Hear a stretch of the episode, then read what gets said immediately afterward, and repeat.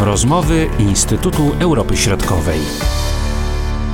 Przedsiębiorstwa wyciągają wnioski z kryzysu i chcą się zabezpieczyć na przyszłość. Trudności logistyczne, które pojawiły się przy okazji pandemii, mogą się przyczynić do rozwoju zarówno regionalnych, jak i krajowych kontaktów i łańcuchów dostaw.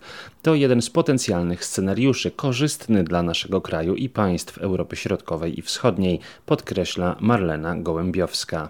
Faktem jest to, że pandemia naprawdę istotnie wstrząsnęła światową gospodarką, a w konsekwencji także mm, światowym handlem. I rzeczywiście zaburzonych zostało wiele relacji biznesowych i handlowych. Mieliśmy zakłócenia w transporcie, e, w szczególności lotniczym. Mieliśmy zakazy lub ograniczenia wywozowe.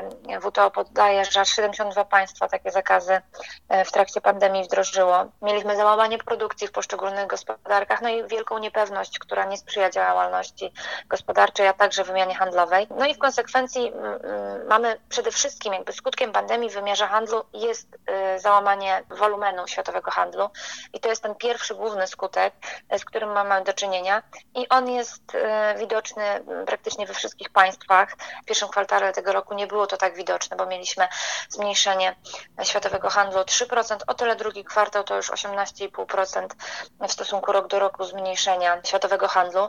Inaczej jest w Polsce, także w naszym regionie. E, dziś dysponujemy danymi nieco nowszymi, bo już mamy dane za maj. Zarówno kwiecień, jak i maj w przypadku Polski wypadają rzeczywiście nie najlepiej. Mamy spadek o 26% eksportu za kwiecień, o, o prawie 18% za maj w stosunku rok do roku, no i podobne spadki mm, w przypadku y, importu po 25% kwiecień i maj spadki. Niemniej coraz więcej dyskutuje się właśnie o, y, o, o możliwych scenariuszach i potencjalnym wpływie pandemii w y, takim długofalowym kontekście. Okazuje się bowiem, że obecny kryzys może okazać się katalizatorem głębszych zmian w strukturze handlu międzynarodowego. Nie są to te prognozy, o których będziemy mówić, nie biorą się znikąd, bowiem pewne rzeczy widzieliśmy już wcześniej. W ostatnich latach takim oczywistym przykładem zmian w handlu są na przykład działania prezydenta Trumpa, który wywierał presję na amerykańskie firmy, starając się zmusić je do przeniesienia produkcji z powrotem do Stanów Zjednoczonych. I to jest jeden z możliwych scenariuszy, czyli taki narodowy patriotyzm, czyli przesunięcie części dostaw z, do gospodarek krajowych i produkcja w ramach własnych państw.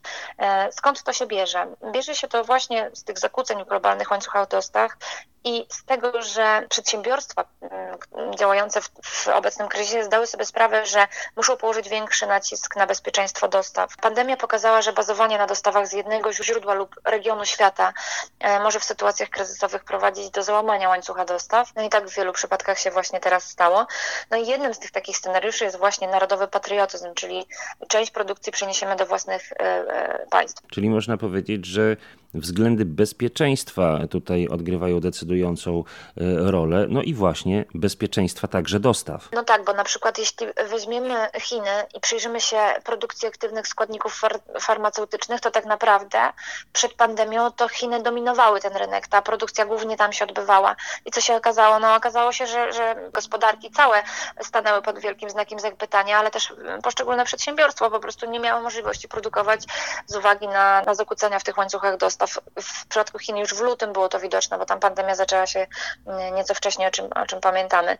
Więc te wszystkie problemy pokazują, że przedsiębiorstwa powinny może przemyśleć nieco, wyciągnąć wnioski z obecnego kryzysu e, i być przygotowane na ewentualnie takie e, wstrząsy. I tutaj kluczowym słowem jest dywersyfikacja, bo nie mówimy o tym, że wszystkie firmy wyjdą z Chin, to jest standardnie realne oczywiście. Mówimy o jakimś stopniu e, zwiększenia bezpieczeństwa poprzez szukanie możliwości innych dostaw. No i właśnie pytanie, gdzie tych dostaw przedsiębiorcy będą szukać?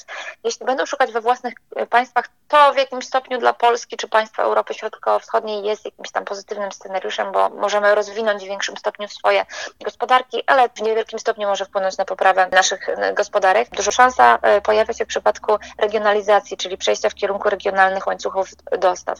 To oznaczałoby dla Polski, ale także państw Europy Środkowo-Wschodniej E, zwiększenie wzajemnej wymiany. Tutaj tak. wzrost, jeśli chodzi o Czechy, to jest chyba dobry przykład. Tak, dobrym przykładem są właśnie Czechy, które awansowały już na drugie miejsce, jeśli chodzi o, o polski eksport. W ogóle wymiana handlowa na ten moment Polski z państwami Europy Środkowo-Wschodniej mm, ma dużą nadwyżkę, o wiele, o wiele więcej eksportujemy do tych państw niż importujemy, co z punktu widzenia e, Polski jest, jest korzystne.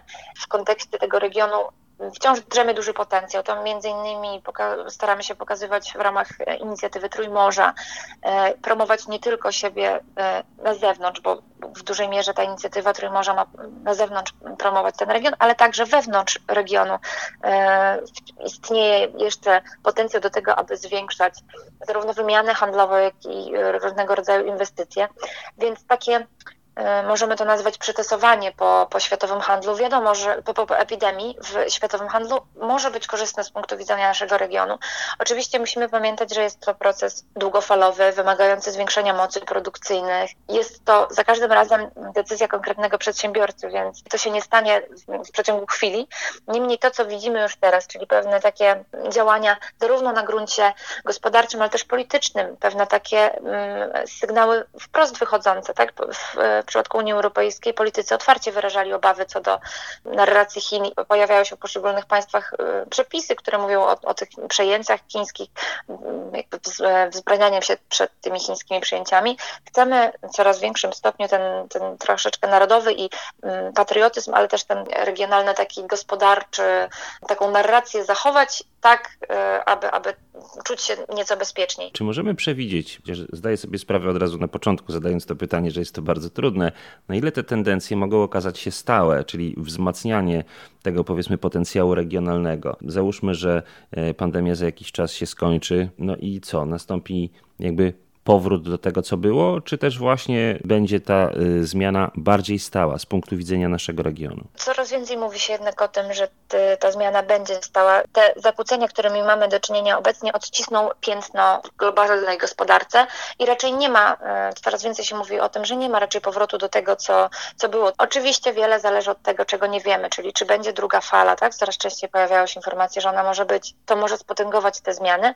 Z drugiej strony dużo zależy od tego, co się będzie działo pomiędzy samymi mocarstwami, bo w ramach tej globalnej wymiany handlowej musimy pamiętać, że w tle mamy wojnę między Stanami i Chinami. W dużym stopniu to ta wojna też zmiana lub niezmiana prezydenta Stanów Zjednoczonych y, jesienią może wpłynąć na dalsze relacje handlowe między tymi mocarstwami, ale także w ramach y, gospodarki globalnej. Więc tak naprawdę dużo zależy oczywiście od tego, czego nie wiemy. Pewne jest jednak to, że taki przeciętny przedsiębiorca może z uwagi na bezpieczeństwo swojej firmy y, chcieć zdywersyfikować dostawy, czyli dotychczasowe ulokowanie na przykład tylko w danym regionie świata czy w danym państwie, tak jak w przypadku Chin, które są fabryką, nazywane fabryką świata, może się okazać niebezpieczne, więc warto spojrzeć na inne państwa.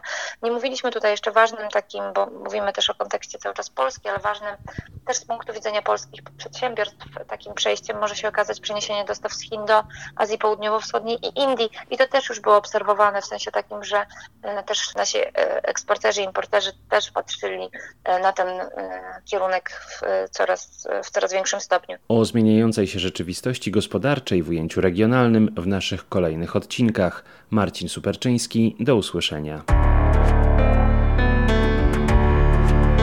Były to rozmowy Instytutu Europy Środkowej.